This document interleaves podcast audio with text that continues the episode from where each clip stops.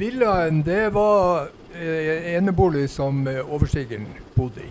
Det var faktisk en filial fra Moses-butikken i Sulis. Men eh, når butikken kom opp på Jakobsbakken, filialen altså, så eh, ble den nedlagt etter ca. to år.